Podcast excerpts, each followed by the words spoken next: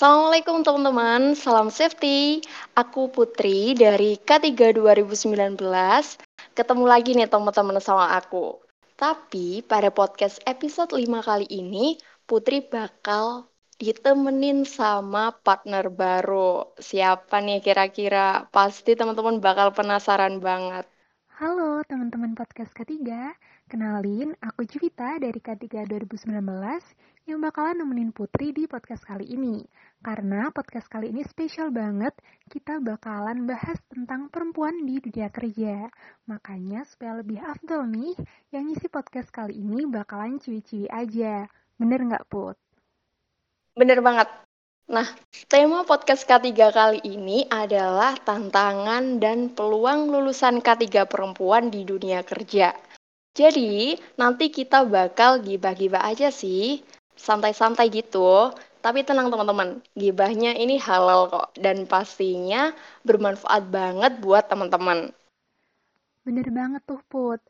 But anyways, kita nggak cuman berdua aja dong pastinya di sini. Akan ada satu orang lagi yang bakalan nemenin kita ngobrol-ngobrol santai seputar tema kita kali ini. Langsung aja kita sapa. Halo Mbak Wina, apa kabar? Halo semuanya, apa kabar? Alhamdulillah baik, Mbak. Gimana nih kabarnya, Mbak Wina? Uh, aku sambil minum ya. Aku kabarnya, Iya, Mbak, santai aja. Kabarnya alhamdulillah baik. Baik sih, standar-standar aja. Uh, jadi Mbak Wina ini uh, salah satu lulusan K3 PPNS angkatan 2014 yang saat ini udah kerja di PT Adikarya sebagai safety officer. Keren banget kan teman-teman. Nah, di mana PT Adikarya ini adalah salah satu perusahaan yang bergerak di bidang konstruksi di Indonesia. Bener ya Mbak Wina? Hmm. Oh, sebenarnya nggak cuma konstruksi sih, kita cleaningnya tuh ada banyak. Kita ada EPC, ada properti juga, uh, expand juga ke LRT. Jadi main uh, utamanya itu memang kita bermula dari konstruksi, tapi uh, beberapa tahun belakangan ini kita udah expand juga sih. Oh, jadi banyak ya Mbak ya? Banyak banget. Nah mungkin sebelum kita bahas-bahas uh, lebih lanjut nih Mbak Wina, mm -hmm. uh, bisa diceritain secara singkat dong perjalanannya Mbak Wina dalam mencari kerja dan mungkin kesulitan kesulitan-kesulitan apa aja sih yang dihadapi Mbak Wina sampai sekarang bisa diterima kerja di Adikarya? Kan kita tahu bersama kalau Adikarya itu uh, perusahaan besar ya Mbak di Indonesia dan tentunya banyak banget gitu loh peminatnya. Gimana Mbak?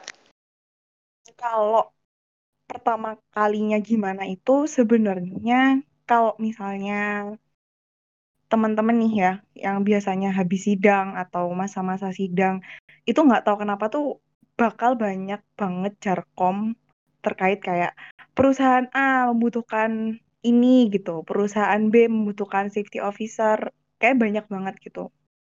Kebetulan uh, saat itu setelah aku sidang ada nih kayak jarkom-jarkoman di grup kelas lah biasa grup kelas grup angkatan gitu Hmm, karena aku itu kan dari kecil sampai gede, sampai uh, kuliah lah ya.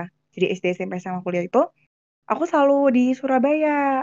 Aku nggak pernah keluar kota. Maksudnya nggak pernah keluar kota tuh untuk kayak sekolah gitu ya, belum pernah. Jadi ngincarnya tuh memang udah ngincar senggangannya keluar Jawa Timur lah gitu. Terus ada yang bener-bener menarik itu ada dua. Satu dulu di Papua, satunya lagi di Kalimantan Barat. Terus uh, apa ya tuh kayak ngobrol lah sama ibu.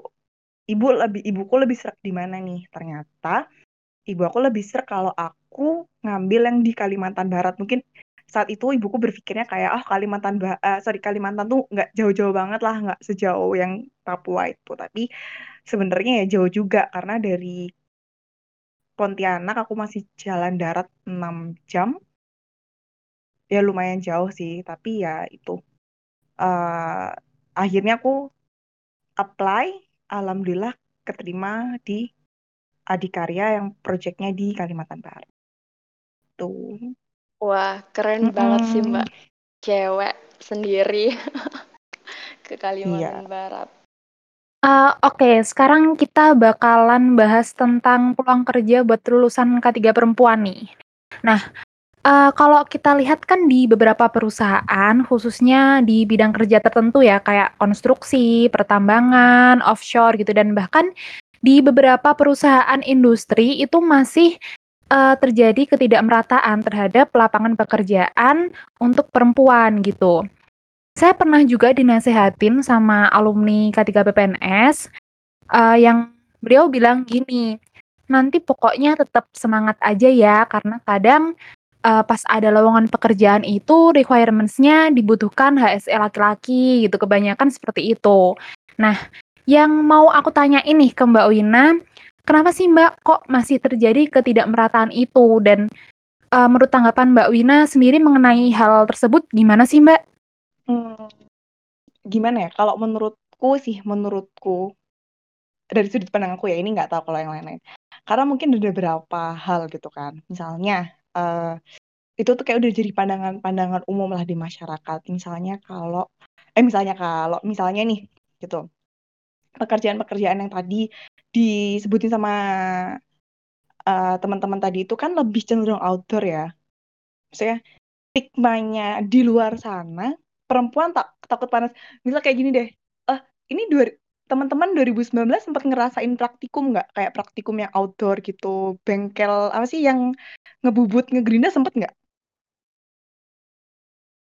Ah, oh, belum sempet. Uh, belum sempet sih, Mbak. Udah keburu off, oh, eh keburu ya, online nih. Nah, jadi itu iya, gini nih, uh, praktikum gitu ya, praktikumnya. Uh, dulu zamannya aku, zamannya aku uh, pas aku semester 4 atau semester 2 deh. Aduh praktikum apa ya? Itu yang kayak di bengkel gitu yang kita ngegerinda. Uh, itu tuh kayak aduh panas dikit-dikit panas. Terus kalau misalnya pas kita lagi praktikum yang siang-siang harus uh, apa tuh dulu sempat ada scaffolding juga kayak aduh aduh kok panas sih pak apalah apalah gitu kan jadi kan stigmanya tuh masih yang kayak gitulah kita tuh yang uh, takut panas takut hitam lah, takut nggak cantik lagi lah gitu. Uh, terus uh, ini juga nih kayak ah cewek-cewek tuh ribet gitu. Kayak meskipun nggak semuanya ya. Misalnya kayak kalau dulu uh, di tempat aku yang pertama itu uh, kita uh, sorry proyeknya itu adalah uh, pipa transmisi air sejauh kurang lebih 60 kilo dan ada beberapa part kita tuh masuk hutan gitu loh. Jadi itu kan pasti kalau misalnya uh, aku bilang, "Eh, aku mau ikut," gitu, mau sekalian ngecek yang di dalam gitu. Pasti yang cowok-cowok udah kayak, "Aduh udah nggak usah deh nanti kamu banyak keluh, udah deh nggak usah nanti kamu ala kayak gitu kan. Uh, jadi stigma itu masih ada gitu. Terus apalagi kayak tadi yang offshore, terus pertambangan, itu kan biasanya kan dia jauh ya dari pusat kota. Misalnya, uh, harus berapa jam dulu gitu. Misal kayak, uh, setelah dia sampai di kota X dia harus darat dulu berapa lama ke kota Y. Terus nanti dia harus naik speedboat dulu sampai dua jam. Atau di mana naik pesawat lagi kayak gitu. Itu kan riskan kan? Dan perempuan-perempuan itu takutnya mereka dalam tanda kutip kesannya merepotkan gitu. Tapi kalau menurutku sekarang udah mulai udah mulai sih udah mulai banyak perempuan yang bisa nunjukin kalau mereka tuh tough, mereka tuh sama kayak laki-laki yang lainnya. Mereka juga bisa digembleng dengan apa ya uh, tipe atau dengan uh, cara bekerja yang sama juga dengan laki-laki gitu sih. Kalau menurutku. Uh, oke oke berarti tadi ada yang menarik nih Mbak Bina sempat uh, menyinggung masalah stigma masyarakat ya sebenarnya Mbak. Oke, tapi nanti bakalan kita bahas lebih lanjut lagi sih masalah stigma masyarakat itu. Uh, soalnya gini Mbak, nggak jarang juga tuh kayak ditanyain gitu sama teman-teman atau saudara, uh, katanya kalau K3 perempuan tuh susah ya dapat kerjanya gitu. Ya kalau sebenarnya sih aku berpikirnya ya tergantung ke orangnya lagi sih ya sebenarnya Mbak. Iya nggak iya nggak sih? Kamu juga pernah dapat pertanyaan kayak kayak gitu nggak sih Put? Iya benar benar Mbak. teman-temanku tuh banyak yang yang nggak uh, berkecimpung di dunia K3 tuh kayak apaan sih gitu pasti yang dicari tuh cowok kayak gitu atau kalau menurutku juga mungkin mereka juga nggak mungkin mereka ngertinya K3 cuma di lapangan aja kali ya padahal kan sebenarnya banyak gitu loh di belakang kayak kalian bisa jadi staff staff uh, buat HSE atau apalah yang emang kalian nggak harus into ke lapangan tapi mungkin ya itu orang-orang liatnya yang K3 baju merah biasanya masuk ke lapangan ya nggak sih Iya iya iya bener kayaknya uh, mereka nah, berpikirnya kayak bener. gitu ya Mbak. Kan padahal ada nah. yang officer gitu juga ya. Tapi kalau menurut pandangan Mbak Wina sendiri uh, sebenarnya peluang kerja antara laki-laki dan perempuan tuh sama nggak sih Mbak?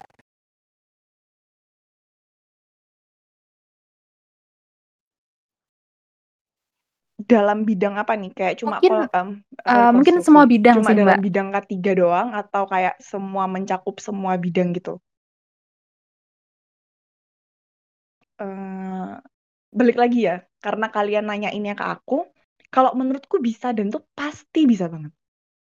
Pasti bisa banget kayak uh, semua semua kalau nih kalau misalnya kalian nih yang paling umum aja kalian lihat lowongan gitu di job street atau misalnya sosial media buat uh, job seeker job seeker itu kalau kalian lihat sekarang nggak terlalu memang sih ada yang kayak uh, laki-laki perempuan kayak gitu-gitu kayak dibutuhkan laki-laki usianya berapa mungkin dalam beberapa ya tapi sekarang kayaknya mereka nggak gender sih nggak by gender tapi misalnya by um, kalian lulusan apa lulusan uh, teknik keselamatan atau lulusan uh, K3 atau lulusan teknik lingkungan. Sekarang lebih itu pengalaman berapa tahun, ability buat bahasa Inggris, buat bahasa yang lainnya kayak gitu.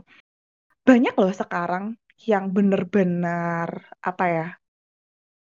Bener-bener nggak bukan nggak peduli tentang gender sih, tentang asalkan kamu mampu, kamu bisa gitu. Kayak barusan ini di Adikarya sendiri direktur KHSE uh, di Adikarya tuh perempuan barusan aja dilantik jadi dia jadi direktur kayak benar jadi di antara semua direktur mulai dari uh, eh, SDM keuangan di road itu uh, beliau itu adalah uh, satu-satunya perempuan di uh, jajaran direktur gitu barusan aja terus kalau kalian uh, suka atau kalian ngefollow FHCI, FHCI itu juga perempuan uh, kepalanya.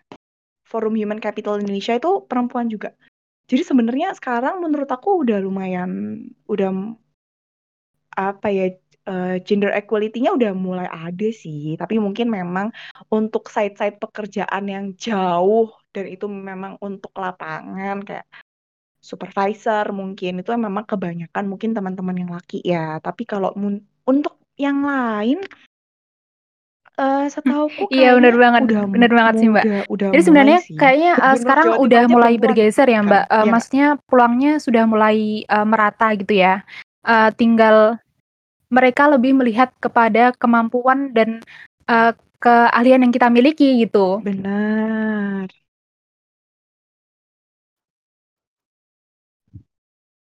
Betul, itu bener banget sih. Pokoknya kalau menurut aku itu ketika kamu bisa bekerja dengan baik, orang-orang itu ya somehow ngelihat gender sih. Kayak misalnya kayak, oh jangan taruh tempat yang panas nih, cewek kasihan. Tapi ketika kalian kayak, oke okay, aku bisa, aku jalan di situ, ya kalian akan memiliki peluang yang sama besarnya juga dengan laki-laki untuk mendapatkan, misalnya kalian ada di posisi A nih, mau ada di posisi A gitu.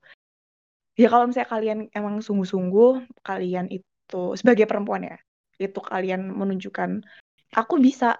Ya tempatmu juga bisa kayak Bu Vera Kirana itu sebagai direktur KHSE beliau um, bisa loh jadi direktur KHSE di antara semua direktur-direkturnya luar biasa banget sih ya Mbak berarti. Komisaris, eh, mungkin kalau misalnya nanti uh, kita nih Bu ditanyain lagi tentang uh, katanya lulusan K3 perempuan susah ya dapat kerjanya kayaknya harus diberitahu tentang podcast ini deh. Suruh dengerin podcast ini aja nanti. Bener nggak sih? Bener-bener.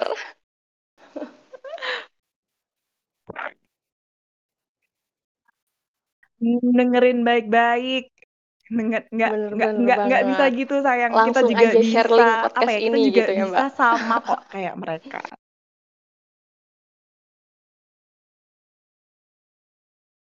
Bener-bener mbak. Nah mbak tapi lumayan kita bisa soft selling. Aku ya, ya di follow ya IG-nya mbak-mbak ini mbak gitu. Wina nih aku nemuin uh, hal yang menarik. Jadi teman-teman mbak Wina ini selain anak rantau juga anak nomaden ya mbak ya sebelumnya um, kalau boleh tahu mbak Wina ini asli Jawa kan ya mbak?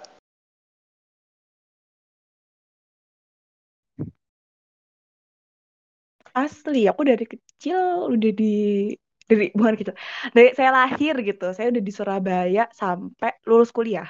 Itu di Wah, Surabaya tapi, terus nggak uh, pernah di nggak pernah sekolah ini kerjanya di, di luar, luar Jawa kota terus ya mbak? Nih aku bacain ya Alhamdulillah. Nah, aku bacain ya teman-teman ini riwayat kerjanya Mbak Wina. Yang pertama itu di PT Adikarya pada Januari 2020 sampai Oktober 2020 Mbak Wina menjadi KHSSE admin di Balikpapan. Nah, terus pada November 2020 sampai Desember 2020 Mbak Wina menjadi HSE officer di Aceh. Dan sekarang Mbak Wina menjadi HSI admin di Medan ya Mbak. Wah, keren sih Mbak. Wah parah sih, keren banget sih ini. ya nggak sih kayak dari anak rantau gitu. Kayaknya kalau kita nimput uh, jaraknya cuma Jombang Surabaya, Kediri Surabaya, kayaknya belum bisa disebut sebagai anak rantau ya.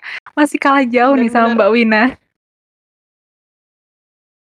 Nah tapi uh, gimana sih Mbak caranya memantapkan hati gitu buat kerja jauh dari kampung halaman, jauh dari kedua orang tua? Aku aja uh, pas dulu awal-awal nih homesick banget ya nggak sih Ju? Iya bener banget Put, dulu aku juga kayak gitu sih, apalagi kayak dulu anak rumahan banget, jadi uh, kayaknya nggak pernah jauh gitu dari orang tua, dan kalaupun di Surabaya kangen tuh uh, beli tiket kereta PP puluh ribu pulang pagi balik malam tuh bisa. Tapi kalau Mbak Wina kayaknya kangen pulang PP gitu mikir-mikir dulu nggak sih Mbak? Tiket keret eh tiket pesawat? Tiket tiket pesawat pasti mahal kan ya? Uh, kalau memantapkan hati ya gimana Mbak? memantapkan hati itu sebenarnya karena uh, sebenarnya tuh gini sih karena memang aku seperti yang tadi bilang tadi niatnya tuh emang maunya tuh kerjanya nggak mau di satu nggak mau di Surabaya gitu. Aku udah nggak mau deh kerjanya tuh kayak uh, di rumah gitu kan uh, karena jiwa-jiwa kan Dora ya kak. Explore explorer explore explore gitu kan kita. Sukanya tuh kayak ah yuk keluar keluar kota ah gitu. Akhirnya yaudahlah niatnya Bismillahirrahmanirrahim. Uh, niatnya memang udah mau kerja aja di luar uh, di luar uh, di luar Surabaya di luar Jawa pas itu alhamdulillah dapet.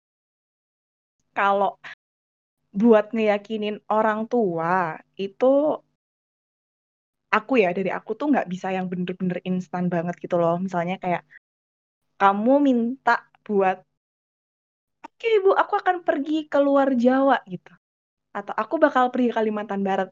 Bahwa ibu aku ya yang seumur umur nggak pernah ditinggal anaknya uh, jauh gitu. Tiba-tiba anaknya minta kerja di uh, Kalimantan Kalimantan Barat. Pas itu perbatasannya sama Malai lagi kan Malaysia. Itu nggak bisa. Kalau menurutku tuh emang bener-bener harus dipupuk bahkan sedari kalian kuliah gitu. Kita nggak tahu ya Mbak uh, Mbak Putri Mbak Juwita kita nggak tahu nih. Kita nanti rezekinya bakal di mana sih? Kerja kita tuh nggak ada kita tuh nggak ada yang bakal tahu gitu uh, aku itu selalu mupuk dari zamannya uh, kuliah bahkan gitu. Misalnya ketika ibuku bilang kamu pulang jam 10 malam. Oke jam 10 aku pulang gitu. Atau misalnya kalau misalnya aku emang harus pulangnya mundur ya aku akan bilang sama ibuku ibu aku pulangnya jam setengah sebelas karena ada ABCDE gitu. Atau misalnya ketika ibuku bilang aku nggak boleh berangkat ke suatu tempat aku nggak bakal berangkat nih. Aku ingat banget dulu pernah aku mau lihat basketnya K3 versus WE kalau nggak salah pas itu. Karena apa ya pokoknya pengen banget lah nonton. Itu semester 8 kalau nggak salah. Itu bayangin tuh semester 8 di saat mungkin orang-orang kira semester 8 tuh kayak kita udah kayak wow kita udah di yang paling tua di kampus terus kita, kayak kita ngerasa kayak ya nggak apa-apa dong aku udah gede gitu semester 8 tuh umur berapa sih? Dua dua dua ya? Dua satu dua dua lah gitu. Sekitar segitu karena iya mungkin uh, sekitar segitu. Uh, ketika aku bilang ibu aku mau nonton basket. Nggak boleh. Ya enggak nggak berangkat. Jadi emang harus bener-bener kalian tuh memupuk kepercayaan orang tua kalian itu sedari dulu gitu. Uh, sekarang gini deh mbak. Siapa sih yang nggak kaget anaknya nggak pernah ke mana-mana. Paling keluar kota ya sama ibu juga. Atau misalnya keluar kota paling cuma buat kayak sama teman-teman himpunan gitu. Terus tiba-tiba anaknya minta uh, bu aku kerja ya bu di Kalimantan Barat. Ibuku pasti kaget. Tapi karena sebelum-sebelumnya aku tuh sudah memupuk si trust ini si percaya kepada ibu aku ini ya aku diperbolehkan. Nah, dan aku bilang bu aku akan telepon ibu setiap hari gitu. Dan jangan lupa ketika kalian sudah berjanji ya harus ditepati gitu. Jangan kayak cowok-cowok playboy di luar sana gitu. Janjinya apa nggak dilakuin gitu. Jadi ketika misalnya kayak gini nih uh, aku bakal telepon ibu setiap hari ya udah harus ditelepon setiap hari uh, di waktu-waktu tertentu lah. Nggak perlu yang sampai setengah jam. Lima menit 10 menit cukup. Nggak perlu yang tiga kali sehari nggak perlu. Pilih aja. Mau pagi kalau pagi nggak sempat siang kalau siang nggak sempat sore.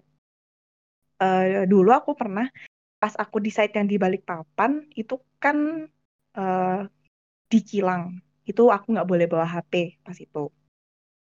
Dan aku berangkat jam 6 pagi aku pulang sekitar jam 5 atau 6 sore. Nah kalau aku mau telepon ibuku jam 5 pagi kan nggak mungkin dong. Dan aku memberikan pengertian dari ibuku bahwa bu aku nggak bisa bawa HP dulu itu zaman itu alah zaman itu padahal baru tahun lalu. Tahun lalu itu telf apa kalau sekarang itu kan WA uh, bisa dibuat telepon even dari laptop ya. Kalau kalau seingatku 2020 awal tuh aku masih nggak bisa. Ya udah aku uh, bilang sama ibuku ibu aku nggak bisa setelah itu aku langsung kalau pulang aku pulang gitu aku pulang saya aku pulang jam 5 jam 6 atau setengah 6 waktu balik papan itu kan dia Wita ya. Berarti kan di Surabaya masih jam setengah 5 jam 5 aku pulang uh, beberes sedikit langsung telepon ibu gitu. Jadi uh, bisa pasti orang tua pasti akan bisa tapi emang harus dipupuk dan ketika kalian itu memang sudah niat sudah benar-benar menurutku orang tua tuh bisa ngelihat kok kalau kalian emang serius buat uh, buat kerja gitu dan kalau kalian amanah juga ya insya Allah sih bakal di ya bisa luluh lah hati orang tua. Uh, oke, berarti tadi yang menarik banget adalah memupuk kepercayaan sedari dini. Berarti itu teman-teman yang harus digarisbawahi sih, memupuk kepercayaan sedari dini dan juga menepati janji, bener ya, Mbak? Bener dong, kayak itulah orang saya kayak simple kok, sebenarnya tuh simple, ya udah jangan dibikin ribet aja gitu. Oke, nah, uh, kayak yang aku bilang tadi, uh, kali ini kita bakalan bahas tentang stigma masyarakat. Nah, Mbak, uh, masyarakat Indonesia sekarang ini kan sebenarnya udah mulai berpikiran modern ya, udah mulai memandang normal perempuan-perempuan yang bekerja gitu. Tapi nggak sedikit juga orang-orang yang berpikiran bahwa ya perempuan tuh baiknya di rumah aja, ngurus anak, ngurus suami gitu. Karena ya memang ada beberapa hal yang hanya bisa dilakukan sama perempuan, kayak hamil, melahirkan, menyusui, ataupun kalau misalnya belum menikah, ya kerjanya di deket-deket keluarga aja gitu. Nah, kalau menurut pendapat Mbak Wina sendiri, gimana sih Mbak cara menghadapi stigma masyarakat yang masih menganggap tabu perempuan yang kerja gitu, terlebih yang kerjanya memang uh, dominan laki-laki. Mungkin di sekitar Mbak Wina masih ada masyarakat yang berpikiran seperti itu, gimana nih Mbak? Uh, kalau sampai kalau bukan pasti masih ada sih yang ngomong kayak ngapain sih perempuan tuh kerja ya kita butuh cuan, kita butuh duit gitu kan buat beli skincare. Kayak mungkin orang-orang mungkin orang-orang yang mengira kayak wow cantik air wudhu tentu tidak. Itu kan didapat dari serum, moisturizer, terus sunscreen kayak kita tuh butuh. Masa kayak gini deh. Pernah nggak sih kita nih kalian deh Mbak Putri atau Mbak Juwita tiba-tiba kira gini, eh kok pengen makan ini ya gitu. Tapi minta duit orang tua iya. sungkan nggak? apalagi pandemi iya bener banget kan? bener iya banget sih mbak kayak aduh pengen ini tapi kayak minta ke orang tua nggak enak gitu kalau uh, beli sendiri nah, iya kan misalnya orang, orang tua mikirnya nah kalau beli sendiri kan bisa enak ya mbak iya ya? pastinya lebih lega gitu nggak sih mbak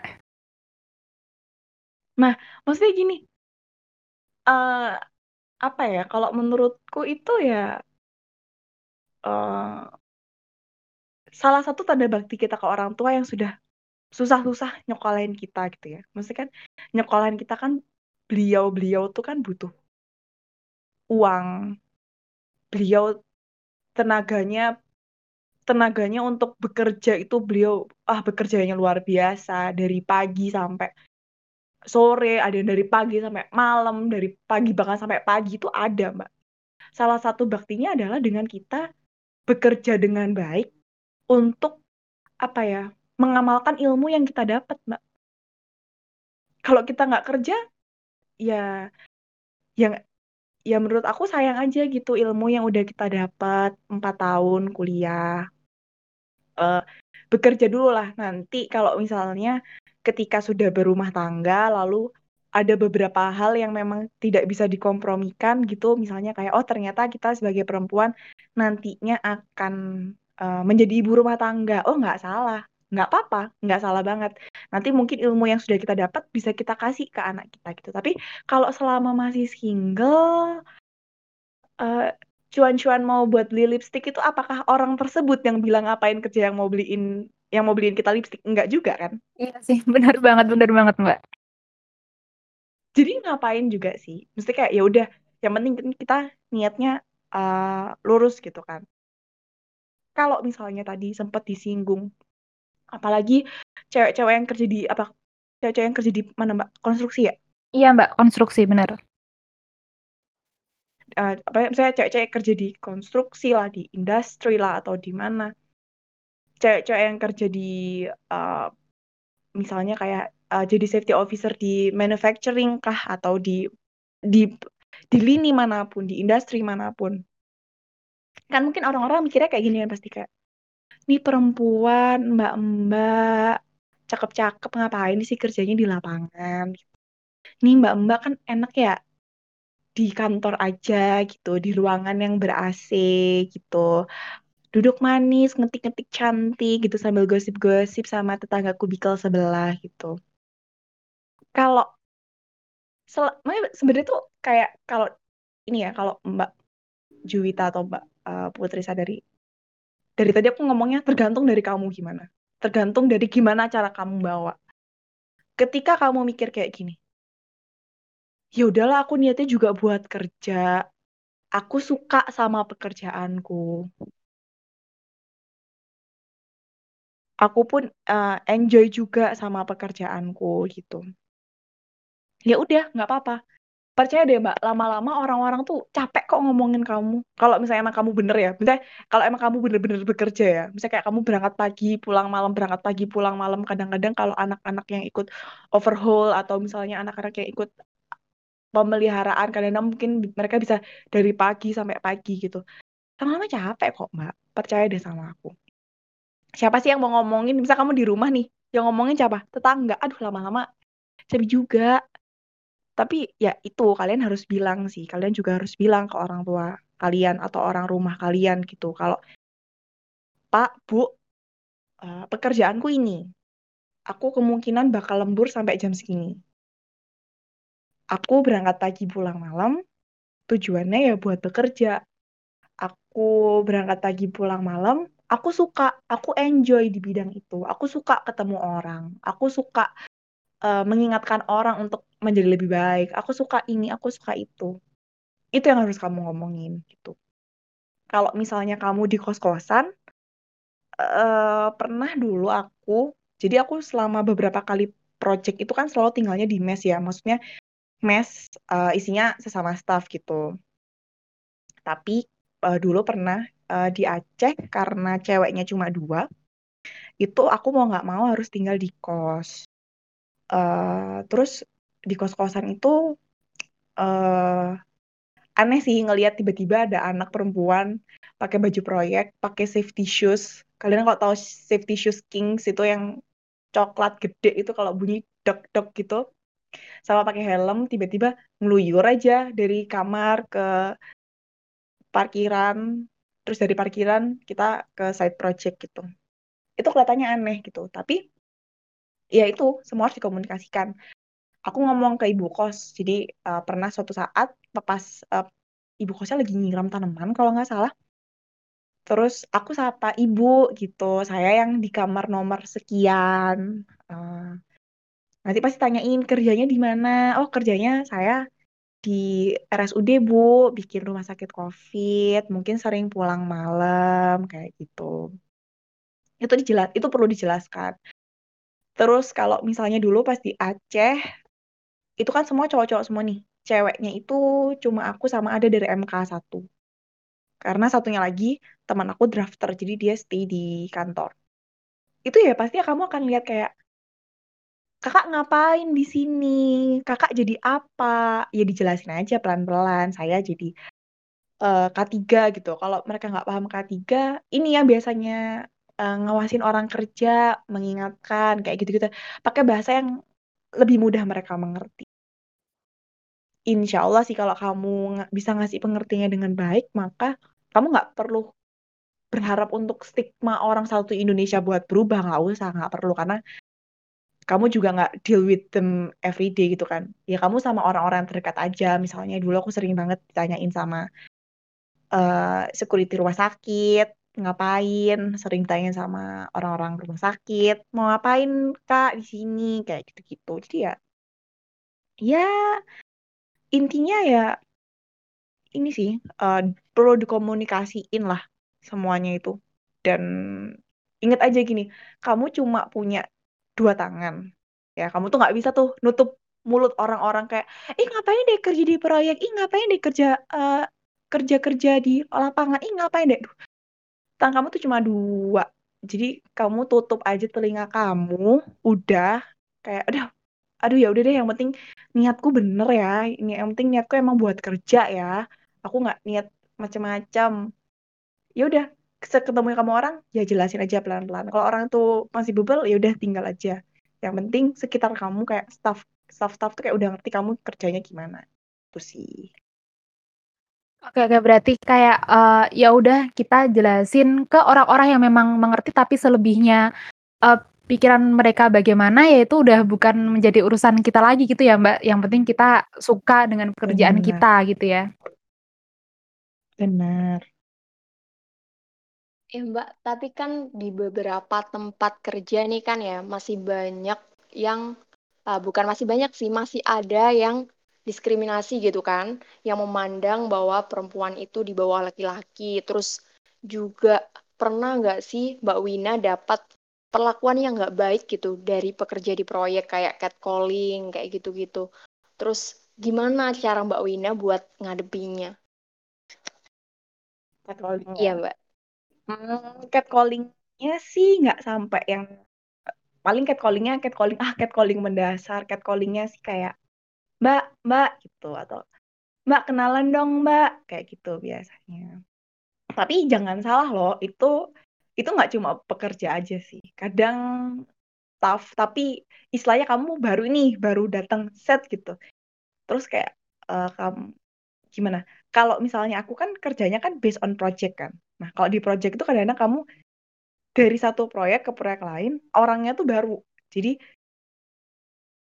bisa kamu bisa dapat teman-teman yang sama, tapi biasanya nggak uh, di satu tim. Jadi misalnya kayak uh, eceran gitu loh. Misalnya kayak temanmu sebelumnya di proyek di proyek sebelumnya sama kamu gitu, bisa aja ikut, bisa aja enggak. Jadi sebenarnya bukan cuma uh, pekerja. Kadang-kadang kalau staff yang emang bener-bener baru pertama kali ketemu tuh biasanya kayak eh kenalan dong siapa sih namanya? Eh cantik kayak gitu. Nggak pernah sih gue kalau cantik. Kalau aku dipanggil cantik nggak pernah. Uh, atau misalnya eh kalau sama pekerja ayo mbak keluar yuk mbak. Uh, makan yuk mbak kayak gitu-gitu. Kalau misalnya sampai yang parah banget yang sampai gimana-gimana atau bahkan sampai megang ya megang atau ditoel atau gitu alhamdulillahnya belum pernah sih gitu. Kalau aku beberapa tahun bekerja ini biasanya kayak callingnya cuma kalau misalnya kayak ngerti nggak sih kayak baru sehari dua hari nyampe gitu. Atau misalnya kayak ah paling lama seminggu lah uh, gitu, apa kayak dipanggil-panggil kayak gitu. Biasanya sih aku malah ini ya malah kayak ngajak kenalan gitu loh kayak misalnya uh, ikut supervisor gitu misalnya. Udah kenal sama supervisor nih ya. Kan diajak ke lapangan gitu misalnya. Atau ikut manajernya PPM atau PCM-nya gitu. Nanti aku perkenalan diri. Jadi mereka ngerti aku itu siapa namanya. Aku itu seperti aku tuh jadi apa sih di sini gitu kan. Aku jadi apa di sini? Misalnya kayak iya saya jadi HSE officer atau saya jadi HSE admin di sini gitu. Mereka mengerti uh, siapa sih kamu itu gitu. Uh, dan ini sih dan emang nggak aneh-aneh nggak macem-macem lah tingkah lakunya. Misalnya kayak masih sopan kayak gitu.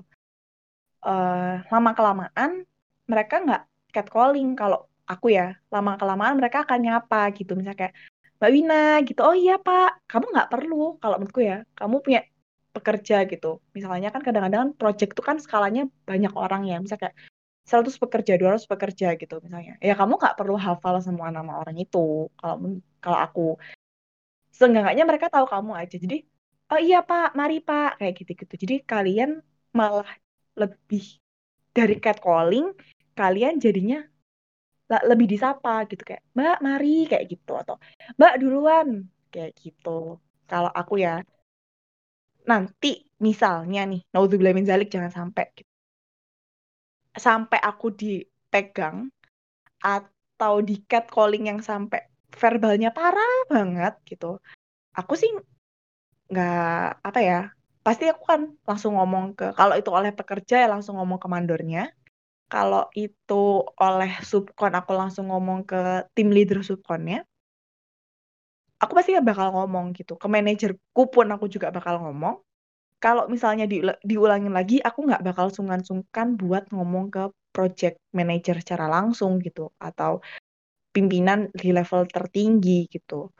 Eh, nggak uh, bakal sungkan untuk bilang Pak saya habis Pak saya tadi kayak gini padahal saya nggak ngapa-ngapain tolong Pak buat ditindak. Itu uh, kalau uh, sisanya pasti apa ya karena balik lagi ya karena kita perempuan jadi mungkin kita bisa lebih dilindungi gitu kan apalagi perempuan-perempuan yang kita kerjanya jauh dari rumah, jauh banget dari rumah. Itu pasti kita kita akan dilindungi, tapi nggak menutup kemungkinan juga kita dapat catcalling itu. Jadi alhamdulillah ya Mbak Wina nggak sampai ya dapat uh, catcalling yang parah banget.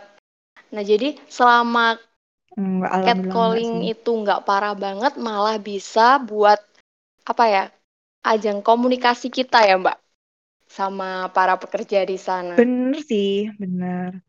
Bener, saya jatuhnya nantinya itu nggak jadi catcalling lagi kalau misalnya dia, dia udah kenal gitu. Jadi jatuhnya kayak lebih nyapa Mbak Wina kayak gitu. Atau kalau kita lagi lewat gitu tiba-tiba disapa.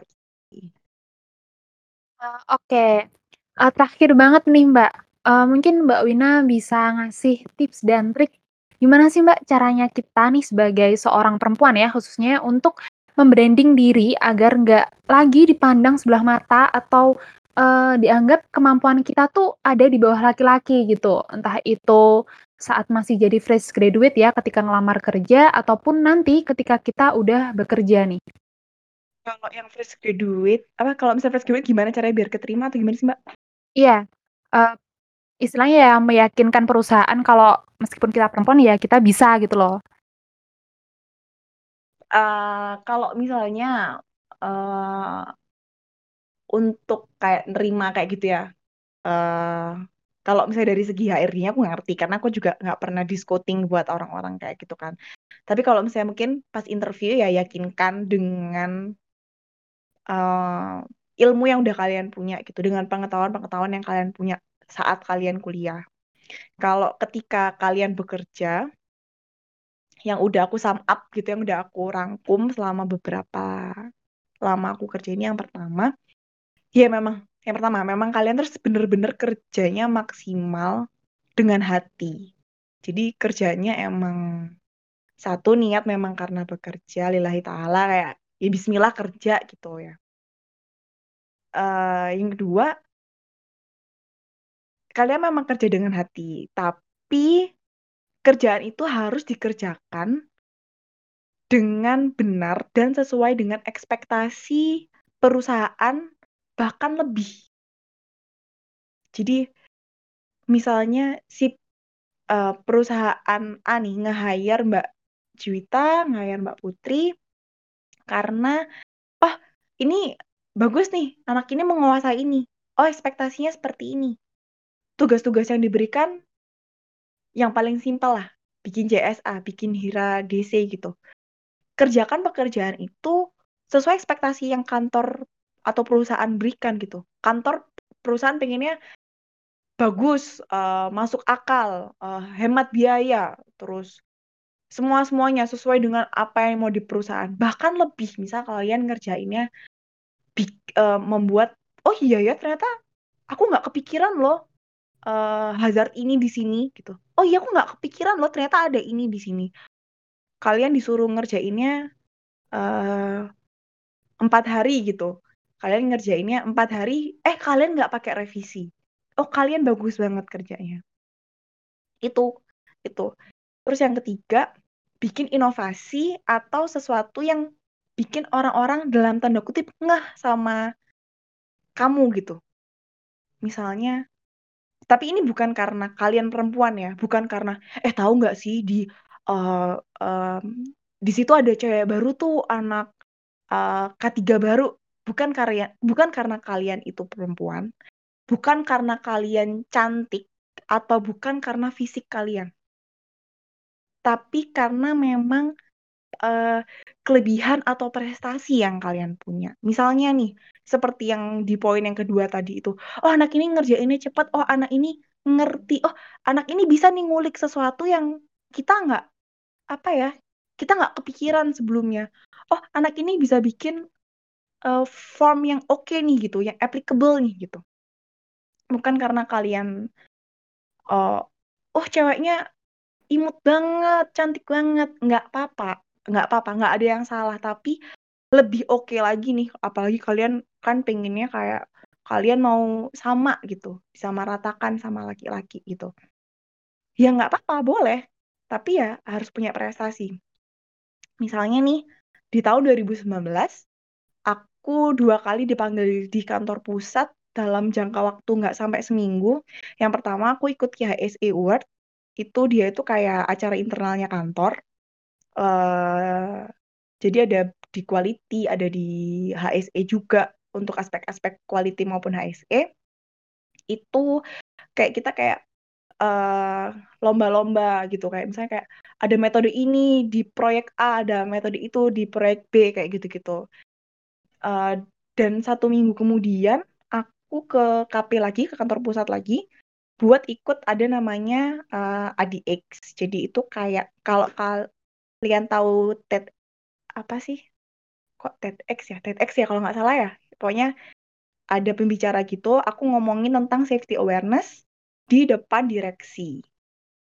Terus di tahun 2020 aku bersama tim uh, di Jati Sulfur kita menang uh, lomba gitu uh, terkait kayak work at project saat COVID kalau nggak salah. Itu kalau mau cek ada di IGTV-nya Adikarya. Itu kita juara satu. Uh, aku sama tim menang uh, namanya SJ Vlog gitu, Sulfur Jetty Vlog gitu. Jadi orang-orang tuh ngeh nih.